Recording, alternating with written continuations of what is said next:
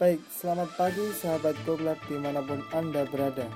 Jumpa lagi dengan saya Hamid Yusron dalam Goglab News Pagi. Sejumlah berita telah kami siapkan untuk Anda kali ini.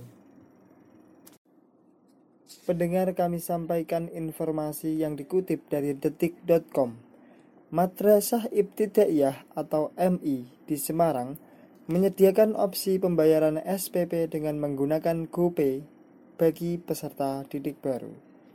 Pembayaran SPP menggunakan GoPay diterapkan di Madrasah Ibtidaiyah atau MI Miftahul Alaqiyah di Ngalian Semarang, Jawa Tengah mulai tahun ajaran 2020-2021. Miftahul Arif selaku Kepala Madrasah Miftahul Ahlakiyah menjelaskan bahwa Opsi pembayaran SPP menggunakan GoPay dimaksudkan untuk memberikan kemudahan, terutama dalam urusan pembayaran bagi para calon orang tua murid yang hendak mendaftarkan anaknya masuk sekolah.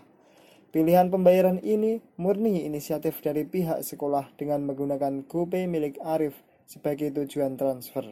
Selain sistem pembayaran menggunakan GoPay, MI Miftahul Alakiyah juga memperluas pilihan pembayarannya menggunakan OVO, link aja dan dana.